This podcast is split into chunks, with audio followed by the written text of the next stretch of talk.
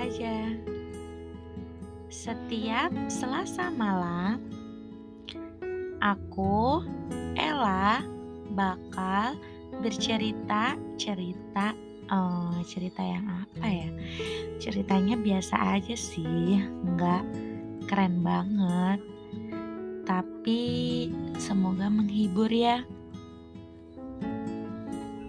Dalam pembuatan podcast ini, aku pakai aplikasi Anchor. Aplikasinya keren dan mudah banget digunain. Dan pastinya gratis. Kamu bisa bikin podcast kamu lewat HP, lewat laptop, lewat perangkat apa pun, dan sangat mudah dalam editing dan publishnya. Hmm, selamat mencoba ya, dan selamat mendengarkan.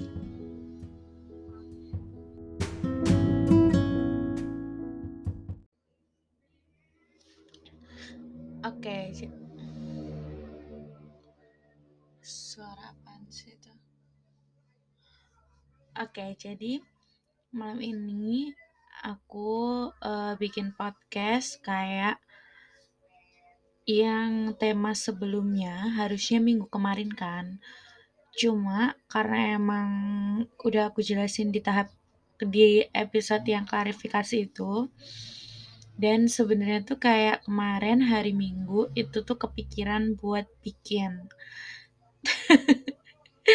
Tapi entah kenapa akhirnya karena kemarin menemukan aktivitas yang lain yang lebih menyenangkan ya jadinya aku uh, kayak ya udahlah podcastnya diundur hari Selasa lagi aja. Jadi kayak tema yang udah aku list sebelumnya itu uh, aku mundurin gitu schedule-nya. Jadi ya it's okay sih menurut aku karena karena semua tema yang aku kepikiran setiap detiknya selalu aku catat ya di HP itu jadi nggak ngerubah konsep. Jadi kayak ya udah ya udahlah kayak santai aja kali kenapa sih oke okay, nah di sini kita bakal bahas hal-hal sepele ya yang mungkin mungkin teman-teman perhatiin mungkin enggak nah ini kali ini dari versi sudut pandang aku aja sih sebenarnya. Nah, ada beberapa hal sih sebenarnya ya di kehidupan ini dan um, hal sepele ini itu uh, aku nggak mau apa ya kayak ngejudge itu suatu hal yang bagus atau suatu hal yang jelek itu enggak tapi itu kayak menurut sudut pandang aku aja. Jadi setiap orang kan punya pemikiran masing-masing ya. Jadi kayak ya udah gitu. Kalau ini dari sudut pandang aku aja gitu. Nah yang pertama itu aku bakal nyeritain soal hal-hal yang terjadi di SPBU atau di pom bensin ya tempat kita mengisi bahan bakar minyak. Nah jadi uh, kalau aku adalah orang yang ketika uh, udah sampai di SPBU itu aku selalu matiin mesin motor aku ya kan aku ini nyeritain pada posisi naik motor ya. Jadi kalau naik motor aku selalu matiin mesinnya walaupun antriannya itu panjang tapi aku tetap matiin. Dan uh, kalau misal yang depan itu udah mulai maju-maju kan antriannya itu aku bakal mendorong sekuat tenaga aku, baik mendorongnya dengan kaki maupun dengan kekuatan bokong dan tangan untuk maju ke depan tanpa menghidupkan mesin. Nah, aku mikirnya kayak ya entah karena kebiasaan atau enggak, tapi sebenarnya pertama kali yang terbesit di benak aku ya biar irit aja. Jadi lumayan lah bensin yang buat ngegas uh, ke depannya itu bisa buat beberapa meter selanjutnya sebenarnya kayak kayak sedikit banget sih tapi sebenarnya itu kayak ini sih uh, media aku olahraga juga ya kan melatih kekuatan terus sama nggak tahu kayak kebiasaan aja kayak gitu. Dan itu juga sebagai penanda sih sebenarnya karena motor aku itu modelnya kalau isi bahan bakar itu harus dibuka dulu joknya ya, bukan yang, eee, ketika kita bisa duduk sambil dib kayak kan ada kan motor-motor yang tangkinya tuh nggak mengganggu kita waktu duduk di, eee, kendaraan itu gitu loh. Nah, motor aku bukan yang kayak gitu. Jadi itu sebagai penanda buat orang misal aku lagi ngeboncengin seseorang ya, orang itu harus turun gitu loh. Kan aku mau isi bensin, masa kamu masih nangkring aja di situ kan nggak mungkin, kayak gitu. Itu sebagai tanda sih dan, eee, ini juga buat apa ya, buat orang-orang yang, pel sebagai pelaku yang diboncengin, ya harusnya peka dong, harusnya turun. Karena aku nggak mungkin kan kayak dorong motor gitu, terus ada orangnya di belakang, itu pasti lebih berat daripada Anda turun, kayak gitu. Itu sih sebenarnya tandanya. Nah, terus kalau udah sampai giliran kita untuk mengisi bensin ya, itu biasanya aku selalu, eee, isi bahan bakar itu bukan yang pas. Kayak misal, eee, full tank ya gitu, aku nggak pernah aku nggak pernah bilang full tank ya, karena apa, kalau full tank itu kan biasanya ini kan yang pengisinya tuh kayak, eee, digedein tuh, kayak disot gitu kan gede, terus entar kalau misal udah agak penuh, dia akan, mmm, apa, kayak, eee, lajunya tuh kayak direm gitu loh. Kayak penyemprotnya yang yang buat apa, yang buat itu loh masukin bensinnya itu tuh bakal direm, biar dia tuh keluarnya sedikit-sedikit ya kan, sampai, eee, si tangkinya ini tuh apa namanya, penuh tapi gitu loh. Nah, kadang di situ, itu ada eee, apa ya, ada berpeluang buat dia itu, eee, tumpah lah, kayak gitu loh. Terus kalau misal lama, ya kan, itu kan bisa nguap juga kan, kayak gitu. Nah, terus habis itu ada lagi nih, aku pernah lihat orang, baik itu yang mobil atau motor, itu dia tuh kayak ngegenjot-genjot, eee, si kendaraan ini berharap agar, apa ya, volume bensin yang masuk tuh lebih banyak gitu loh. Padahal, ya kan bensin itu benda cair ya, kalau kalau menurut aku, bensin itu benda cair. Dan biasanya kalau misal, eee, hal-hal yang bisa diterapkan dengan cara mengocok-ngocok tuh kayak misal kita punya, gel punya gula ya kan, kita mau masukin ke toples, kan gula itu kan padat ya. Jadi ketika kita, eee, goyang-goyang atau kita kocok-kocok itu dia akan lebih memadat gitu loh, biar biar dia mengisi celah-celah kecil-kecil celah dan membuat si gula itu bisa masuk semuanya, jadi volumenya bertambah, jadi kayak padat gitu loh. Tapi kalau benda cair itu kan dia sifatnya itu mengikuti wadahnya kan. Jadi mau wadahnya segitu, ya dia segitu, mau kamu gejut-gejut berapa kali juga nggak akan bertambah gitu loh. Aku mikirnya kayak gitu sih, dan itu bener-bener wasting time sama wasting tenaga banget.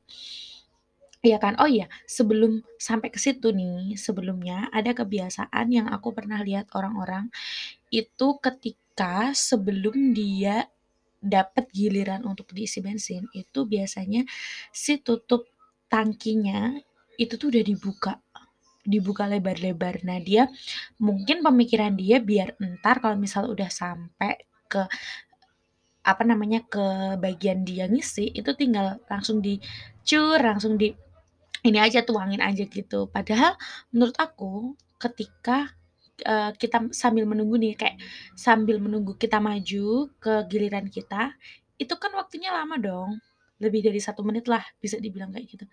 Nah, yang namanya bensin itu cepet banget nguap, karena mungkin kalau aku dulu waktu kecil itu kan waktu ukuran tubuh aku masih setinggi motornya, itu kalau aku ngelihat orang yang ngisi bensin itu pasti di sebelahnya itu kayak ada baranya, bukan bara sih, tapi kayak, eee, apa sih, kayak fatamorgana yang goyang-goyang itu yang menandakan kalau itu terjadi penguapan atau sebuah radiasi, pokoknya sama kalau kita lagi ngebakar api, terus di sekitar apinya itu tuh kayak ada fatamorgana yang kayak goyang-goyang gitu kan. Nah, itu aku nggak tahu sih namanya apa, pokoknya itu. Jadi, itu menandakan kalau si bensin itu juga menguap gitu loh. Nah, ketika kamu nggak mem nggak menutup ya, nggak menutup tangki itu otomatis banyak dong yang menguap, itu sayang juga kan. Nah, makanya aku kalau, eee, lagi kayak gitu, itu biasanya aku cuma puter doang, jadi puter tutupnya itu ke kiri, tapi nggak membukanya secara terang-terangan, enggak, tapi cuma aku puter ke kiri. Jadi suatu ketika aku udah sampai di giliran aku, aku tinggal buka aja gitu loh. Jadi tetep cepet, tetep gampang, nggak susah juga, nggak repot juga, dan juga itu meminimalisir si bensin itu menguap. Nah, oke kembali lagi ke yang tadi, nerusin yang full tank tadi. Nah, itu alasan aku kenapa nggak pernah isi full tank, dan aku juga selalu, eee, isi bensin tuh kayak aku pasin nominalnya berapa. Jadi sebelum aku isi bensin, aku make sure dulu kalau si tangki ini, tangki bensin aku ini tuh tinggal seberapa sih, jadi kira-kira aku isi berapa berapa rupiah sih, kayak gitu kan. Nah, ini untuk menghindari kecurangan juga. Jadi aku pernah sih di, eee, waktu itu SMA kan, aku berangkat sekolah, itu aku isi bensin ke suatu SPBUA ya, yang aku tuh inget banget, aku kayak ngingetin indikator aku tuh awalnya di mana gitu loh, terus aku isi nominalnya sekian, sampai ke indikator seberapa gitu kan. Nah, terus aku coba lagi dengan awalan indikator yang sama ke SPBU yang B, itu dengan nominal yang sama juga, ternyata hasil akhir hasil akhir dong, bukan hasil akhir, kayak, mmm, parameter setelah kita ngisi bensin dengan nominal yang sama itu, ini beda, dan itu bedanya jauh banget. Dan itu menunjukkan bahwa di apa sih itu, alatnya yang kayak dispensernya itu loh, dispenser buat, eee, numpahin si bensinnya itu tuh setiap SPBU beda-beda, kayak gitu. Nah, untuk menanggulangi kecurangan itu, makanya aku nggak pernah yang namanya isi full tank, kayak gitu. Tapi bener-bener aku tete tepatin berapa rupiah, dan biasanya untuk menentukan berapa rupiah yang aku, apa namanya, aku belanjakan untuk beli bensin, itu nggak pernah yang aku misal beli Rp20.000 atau Rp10.000, kayak yang Rp10.000 Rp10.000 gitu, itu biasanya tuh udah dibikin tombol shortcut-nya. Jadi kalau teman-teman paham itu pokoknya di tombol kan kalau tombol buat ngisi itu kan kita bisa milih kan, maksudnya bukan kita sih, tapi si apa, pengisi bensin itu kan bisa milih kan, mau liter, mau dalam satuan liter atau satuan rupiah. Nah, terus di bawahnya itu kalau nggak salah ya, ada huruf P1 atau P2 kalau nggak salah, soalnya waktu itu aku keseringan lihatnya itu si to si tombol itu tuh udah nggak ada angkanya gitu loh, jadi nggak bisa lihat kan. Itu kayaknya yang P1 sama P2 tuh kayak kayak kalau misal di HP tuh istilahnya kayak panggilan cepat gitu loh. Nah, itu shortcut-nya misal P1 itu biasanya Rp10.000 misal gitu ya, terus P2 itu misal Rp20.000 atau kelipatannya dan lain sebagainya. Nah, aku menghindari nominal itu, makanya aku harus, eee, mastiin kalau si mas-mas atau mbak-mbak yang ngisi bensin ini, dia harus mengetik nominal yang di tombol-tombol angka itu. Jadi misal ak tergantung sih, tergantung uang yang ada di dompet aku le lah ya. Kalau misal di dompet aku ada kayak recehan Rp2.000 atau Rp1.000 atau Rp3.000 itu biasanya aku ini, aku tambahin. Jadi misal yang biasanya Rp15.000 jadi Rp18.000, contoh aja kayak gitu. Jadi, usahakan biar si pengisi bensinnya ini tetep mengetik, jadi kita bisa lihat, bener-bener bisa dicek, oh emang beneran dipencet, kayak gitu. Itu untuk menanggulangi menanggulangi aja sih. Overthinking banget ya aku. Terus habis itu, lanjut, setelah kita udah isi, udah kan, jangan lupa bilang terima kasih, ya kan. Terus habis itu, eee, setelah itu ya, setelah itu kan biasanya kita ada ritual kan, ada beberapa ritual yang harus kita lakukan. Kayak misal, mmm, apa, nutup joknya dulu gitu kan, eh enggak ding, nutup itunya, nutup nutup tangkinya dulu, terus nutup joknya dan lain sebagainya, terus habis itu masih nyet di-starter dulu, ya kan. Iya kalau starter-nya tuh lancar, kalau starter-nya nggak lancar masih ada acara ngegenjot dan lain sebagainya. Nah, jadi jangan pernah lakukan ritual-ritual yang lama itu di tempat ketika Anda mengisi bensin, kayak gitu. Jadi maksudnya gini, bukan di tempat waktu kita ngisi bensin, tapi tolong maju sedikit lah, maju beberapa meter sedikit sampai antrian yang di belakang kita itu maju. Karena yang belakang juga mau isi dong, ya kan. Jadi biasakan hal itu karena iya kalau ritualnya itu sebentar, tapi kan kita nggak tahu kan keadaannya bakal kayak gimana. Makanya buat antisipasi, ya majulah dulu beberapa meter. Baru kita melakukan ritual yang biasa kita lakukan setelah isi bensin, kayak gitu aja sih. Terus udah sih kayaknya itu aja yang seputar SPBU. Oh ya, terus hal-hal sepele yang dulu selalu, eee, apa namanya, dikoar-koarkan ketika aku masih jadi mahasiswa baru. Waktu itu kan, eee, ini kan masih ospek kan. Nah, waktu ospek itu kakak tingkat aku selalu kayak ngingetin bahwa mahasiswa itu harus menerapkan yang namanya 5S Tomat. Nah, 5S Tomat ini adalah kepanjangan dari 5S tuh senyum, salam, sapa, sopan, santun. Terus tomatnya tuh tolong, maaf, sama terima kasih. Nah, itu sangat digembor-gemborkan atau kayak diulang-ulang terus dan yang dievaluasi tuh itu kebanyakan itu, kayak gitu. Nah, sebenarnya ada hal yang nggak kalah penting juga dari 5 to es tomat eh, 5S Tomat itu, kalau menurut aku adalah respon atau jawaban, eee, ketika kita melakukan 5S Tomat itu. Contoh, eee, mungkin kita kalau lagi dibantu gitu kan, lagi dibantu kita pasti spontan dong bilang terima kasih gitu kan. Nah, itu sebenarnya kalau ucapan terima kasih itu masih bisa dispontanin, tapi kadang untuk orang yang menjawabnya itu sering lupa atau sering mungkin nggak kebiasaan juga kalau bilang terima kasih kita lupa bilang sama-sama gitu kan. Atau kalau diplesetin jadi kembali kasih atau apa apalah sejenisnya itu yang merespon, eee, terima kasihnya orang lain. Jadi biar orang lain yang terima kasih itu juga kayak kayak ces gitu, kayak, "Oh iya berarti aku diterima nih," kayak gitu. Jadi sebenarnya itu hal sepele, tapi menurut aku sangat ngaruh banget, apalagi kalau hal itu itu kita sambungin sama komunikasi tatap maya atau online ya. Jadi kan sekarang kan lagi musimnya online-online gitu kan, kayak chatting atau telepon dan lain sebagainya, yang kita itu pasti kalau ngechat atau kalau nelpon itu eee, emang kalau lagi butuh, maksudnya kalau memang ada butuhnya gitu loh. Nah, ketika kita sudah terpenuhi nih kebutuhan kita, kita sontak respon dong bilangnya terima kasih kayak gitu kan. Nah, nanti biasanya nih, biasanya nih ada 2 kemungkinan. Eh, 2 atau 3 ya. Ada 3 kemungkinan. Yang pertama di-read doang, yang kedua enggak di-read sampai nggak tahu kapan di-read-nya, sampai butuh lagi kayaknya. Terus yang ketiga itu bener-bener dijawab dengan sama-sama. Nah, itu adalah beberapa, eee, apa namanya, kebiasaan orang yang beda-beda dan, eee, mereka ini pasti punya purpose-nya masing-masing, kayak ada tujuannya. Jadi aku pernah kan tanya temen aku kayak diskusi gitu, kalau aku pribadi aku sukanya kalau mau mengakhiri suatu pembicaraan itu pasti aku read.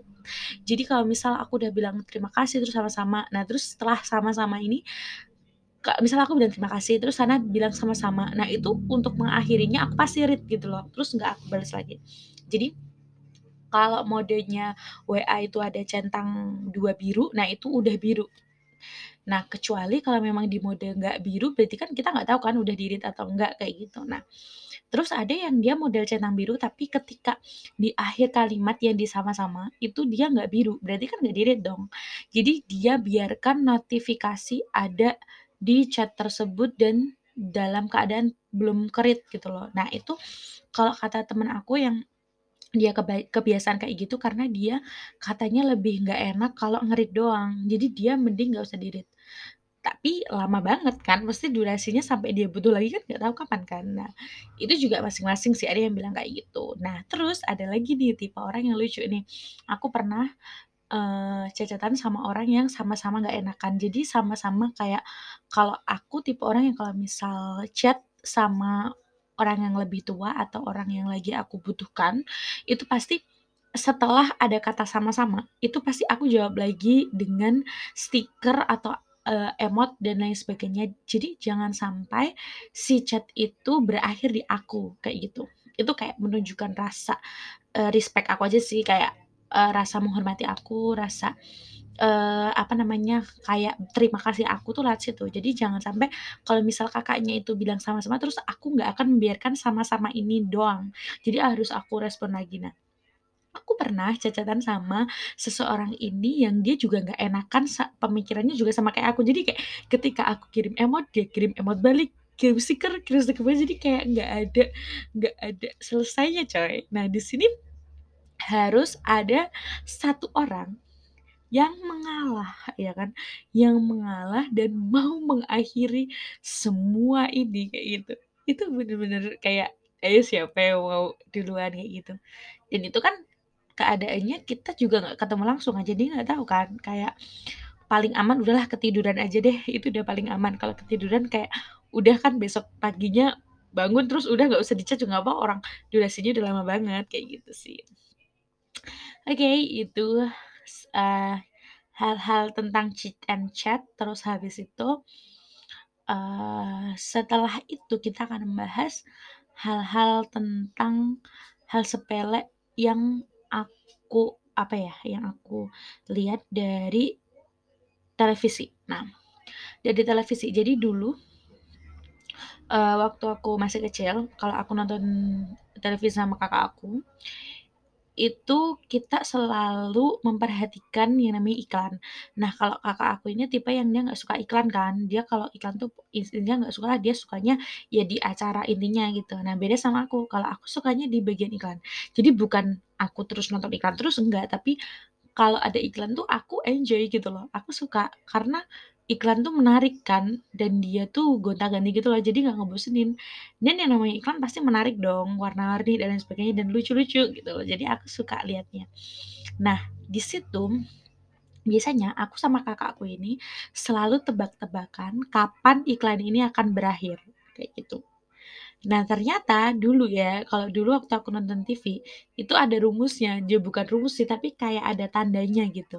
Misal nih, eee, kalau setelah suatu film itu ada iklan, terus iklan awalnya itu misal iklan biskuit, ya kan. Nah, itu nanti kan setelah iklan biskuit bakal ada iklan apa iklan apa iklan apa gitu kan, sampai panjang kan berapa menit, terus nanti pasti akan ada iklan biskuit yang awal ini lagi. Nah, biasanya kalau dibuka dengan biskuit, nanti akan diakhiri dengan biskuit juga gitu loh. Ja nanti ini ini nggak pasti ya, ini nggak pasti sih, ini suka-suka operator yang ada di televisi sebenarnya, tapi waktu itu aku bener-bener kayak nandain aja kalau seringnya tuh kayak gitu. Jadi kalau misal awalnya biskuit, akhirnya biskuit, entar bakal masuk ke film utamanya kayak gitu, atau acara utamanya kayak gitu. Itu keseringannya bener kayak gitu, tapi pernah juga salah sih, pernah juga. Jadi kayak aku sama kakak aku tuh bener-bener, eee, tebak-tebakannya tuh kita bener-bener kayak kalau misal bener tuh bangga banget. Padahal itu bener-bener hal yang nggak ada reward-nya kan, kayak nggak ada hadiahnya juga, kayak puas aja kalau bener gitu. Itu hal-hal lucu sih yang waktu masa kecil aku lakuin sama kakak aku. Terus habis itu soal akting. Nah, kalau akting aku nggak mau, eee, ini sih review soal gimana-gimananya karena aku juga nggak begitu ngerti soal perfilman kayak gitu, aku cuma penikmat film aja. Dan pasti setiap film itu alurnya bakal disesuaikan sama cerita itu dong, dan yang ngarahin pasti sutradaranya sama tergantung cerita itu mau dibawa ke mana alurnya, kayak gitu. Nah, cuma di sini yang aku sorotin adalah, be ada beberapa akting ya, ada beberapa akting yang, eee, menurut aku nggak relevan sama dunia nyata. Contoh yang pertama adalah akting ketika ngeden pas BAB. Nah, jadi ada kan beberapa film yang dia nampilin misal, eee, adegan joroknya tuh dia lagi di, eee, WC gitu, lagi BAB. Nah, kadang mereka tuh ngedennya tuh suka asal gitu loh, padahal kalau kalian ketahui, kalau orang ngeden waktu BAB itu tuh ada penekanannya dan itu khas. Jadi kalau BAB tuh yang penekanannya itu ada di bagian bibir, ya kan. Jadi ngedennya itu bibirnya ini seolah-olah tersenyum, tapi tersenyumnya tuh bukan tersenyum yang manis, tapi tersenyum ya tersenyum ngeden, jadi penekanannya tuh ada di bibir. Jadi kelihatan kalau orang yang BAB beneran, ngeden BAB beneran itu pasti bibirnya bakal kayak senyum yang dingedenin gitu. Dan itu juga kalau kalau kalian perhatikan juga di bayi-bayi juga kayak gitu. Bayi-bayi kalau lagi pup juga kayak gitu kan. Jadi kadang ini di film aku pernah sih nonton film yang cara ngedennya tuh salah, padahal dia lagi BAB. Jadi aku berpikiran kayak, "Oke, ini beneran acting berarti." Padahal kan harusnya dibikin semirip mungkin dong sama dunia nyata, kayak gitu kan. Nah, terus yang kedua itu soal ngeden lagi nih, tapi ngeden melahirkan. Nah, mungkin aku nggak ngerti kan karena aku belum pernah ngelahirin, tapi kalau kata kakak aku, itu ngelahirin tuh nggak segampang gitu, Dek, kata kata kata kakak aku gitu. Jadi kalau apa, kalau di film tuh kayak cuma teriak-teriak doang, kayak gitu kan. Terus nanti akan diakhiri dengan suara tangisan bayi lahir kayak gitu. Sebenarnya nggak kayak gitu. Padahal ada proses yang itu menyakitkan sekali dan aku nggak ngerti gimana realnya, tapi em harusnya nggak segampang itu gitu loh. Kayak gitu sih sebenarnya. Tapi nggak tahu. Itu namanya juga acting ya, jadi tetap ada celahnya sih kalau menurut aku masih dimaafkan kayak gitu. Oke, lanjut ke next case. Jadi kita uh, lanjut ke jalan raya. Nih sekarang aku mau sorotin soal jalan raya. Nah, jadi jalan raya ada beberapa behavior-behavior orang yang uh, menurut aku sangat mengganggu ya, sangat mengganggu. Yang pertama adalah buang sampah sembarangan. Karena buang sampah sembarangan ini baik itu pengendara motor maupun mobil ketika kalian berkendara terus membuang sampah, itu dikhawatirkan sampah ini akan terbang dan bisa mengenai pengendara lain. Apalagi kalau kecepatan tinggi kan, dan itu bahaya banget dan merugikan sih kalau aku sih nggak suka. Jadi mending kamu keep sampah itu kayak kamu sakuin atau kamu pegang sampai di tempat di mana kamu berhenti dan menemukan suatu tempat pembuangan sampah gitu loh. Baru kamu buang, kan nggak apa-apa kan ya, maksudnya kayak ya udah emang kayak gitu daripada kamu ngotorin jalanan dan me ini mengganggu pengendara lain menurut aku sih. Karena ya namanya berkendara di jalan raya itu, eee, dia kita nggak bisa mikirin soal diri kita, tapi kita juga mikirin pengendara lain juga kayak gitu, jadi nggak boleh kayak gitu, gitu ya. Terus yang kedua, itu, eee, ini sih kalau misal ada pengendara yang misal dia lagi ngerokok. Nah, kalau ngerokok itu kan ada baranya ya. Nah, itu bara apinya tuh kadang kalau ngenain juga juga ini, juga sakit. Karena aku pernah kan dibojangin sama bapak aku dan bapak aku lagi ngerokok gitu, terus aku kena deh. Itu sangat mengganggu sekali ya. Jadi mending kalau ngerokok ya di tempat yang jangan berangin gitu loh. Kalau enggak pacu kendaraannya nggak usah kencang-kencang, jadi baranya nggak nggak ke mana-mana gitu. Kalau misal mau netesin, biar netesin diri sendiri aja. Oke, selanjutnya masih di jalan juga, ini tentang rambu-rambu. Jadi waktu uh, kalau misal kita melewati suatu jalan yang kita udah familiar ya kan, kayak kita udah apal medan dan lain sebagainya, pasti kita tidak pernah menghiraukan yang namanya rambu-rambu ya kan. Kayak maksudnya rambu-rambu di sini bukan yang kayak lampu merah gitu ya, kalau lampu merah kan udah jelas ya, rambu-rambunya udah jelas kalau berhenti, jalan, dan hati-hati itu udah jelas. Di sini yang aku maksud rambu-rambu itu kayak plang-plang yang belok kanan, belok kiri, terus tikungan tajam. Habis itu kayak ada turunan sama pelang-pelang yang menunjukin daerah. Atau ada T-junction atau atau Y junction gitu sih, ma macem-macem sih. Pokoknya rambu-rambu yang yang hmm, yang ada di buku-buku lalu lintas kayak gitulah. Nah, itu kalau kita udah familiar sama jalannya biasanya kita selalu menghiraukan. Sama marka, marka jalan yang ada di itu yang di tengah maupun di pinggir, itu kita sering sering menghiraukan kan. Padahal sebenarnya ha eee, apa, rambu-rambu, terus marka ini kenapa ada, itu karena ada fungsinya gitu. Dan kalian akan merasakan ketika berada di suatu keadaan yang mencekam. Nah, suatu keadaan yang mencekam atau kayak kalian bener-bener tidak tahu atau asing sama suatu daerah, itu kalian pasti bakal berterima kasih dengan rambu-rambu tersebut, kayak gitu. Karena kalau enggak beneran nyariin beneran nyariin kayak gitu. Jadi aku pernah waktu itu bepergian sama ibu aku di suatu tempat kan. Eh, waktu itu di Salatiga. Nah, terus habis itu waktu perjalanan pulang nih, aku sama ibuku tuh ngide mau lewat jalan alternatif. Dan seperti yang kalian tahu yang namanya jal jalan alternatif itu pasti sepi dan lebih jauh.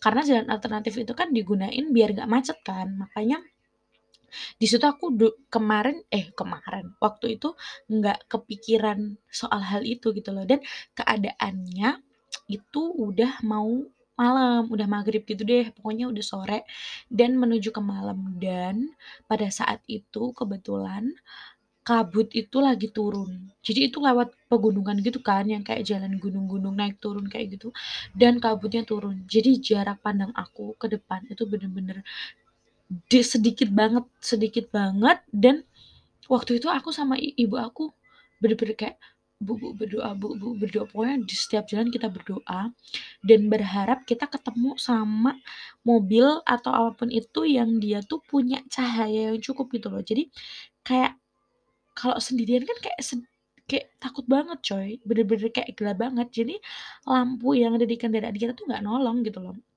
Bener-bener nggak kelihatan gitu loh. Nah, makanya saat itu aku bener-bener ngandelin yang namanya marka jalan yang ada di sebelah kiri maupun di tengah.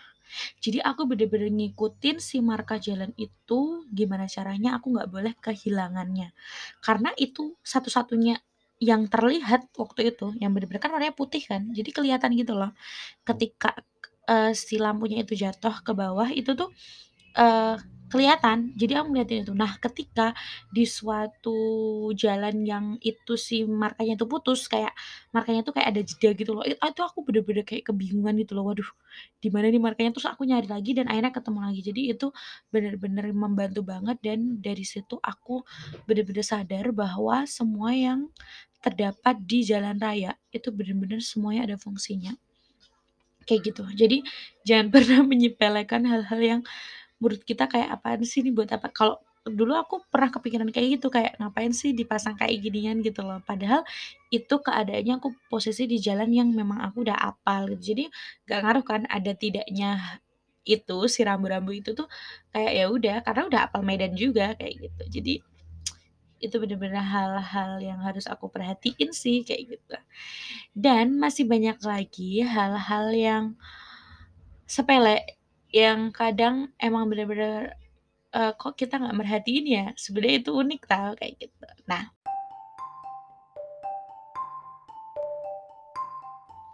buat kalian yang memang punya hal-hal sepele yang perlu kita bahas, bisa banget komen atau DM di Instagram aku, kita bisa bahas hal ini, hal-hal sepele ini lagi mungkin di part keduanya. Dan kalau kalian, eee, punya cerita-cerita seru bisa share dan bisa aku bahas juga kayak gitu di part keduanya nanti. Kalau rame asik juga nih kayaknya ngebahas ini. Makasih ya, bye.